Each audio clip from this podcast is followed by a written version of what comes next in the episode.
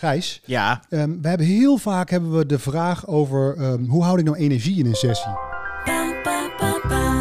ja. Want we zitten natuurlijk heel veel in allerlei Zoom calls, in team, in team sessies met elkaar.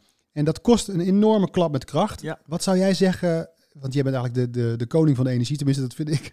Eh, hoe, hoe, hoe hou jij energie in zo'n sessie? Nou, het allerbelangrijkste is dat je alsgene in de lead, maar ook je collega's kun je wel helpen. Jouw energie werkt energiek op anderen. Dus je doet elkaar ook na.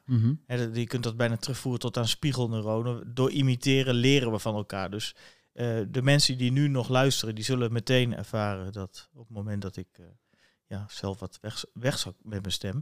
Je voelt meteen energie, bam, weg. Doet een beetje pijn. Doet een beetje pijn. Dus energie zit hem vooral ook echt in de energie in je lichaam. Dus Mhm. wees fit, wees voorbereid, heb er zin in. Ehm, geef gas. Eh, dus praat iets harder online en niet in volume, maar geef iets meer kracht mee. Hè, wat je eigenlijk ook hier in, in zo'n podcast een beetje doet.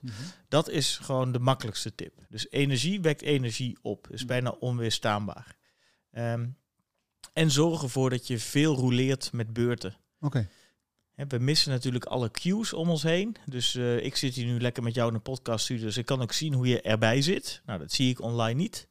Eh, en als je het balletje snel rond laat gaan, dan is iedereen in ieder geval alert.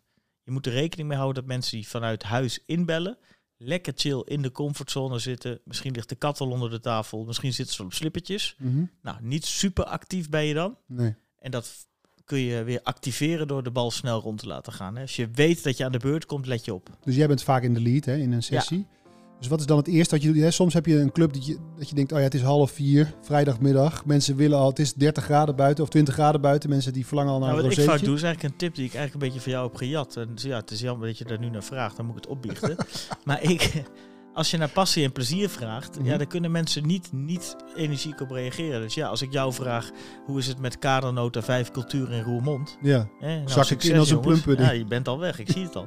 ja, maar als ik vraag van, eh wanneer was je voor de eerste keer trots op jezelf? Of wat is jouw leukste sportherinnering? Of Mhm. kun je je nog een EK of WK herinneren? Of een Olympische Spelen met je ouders?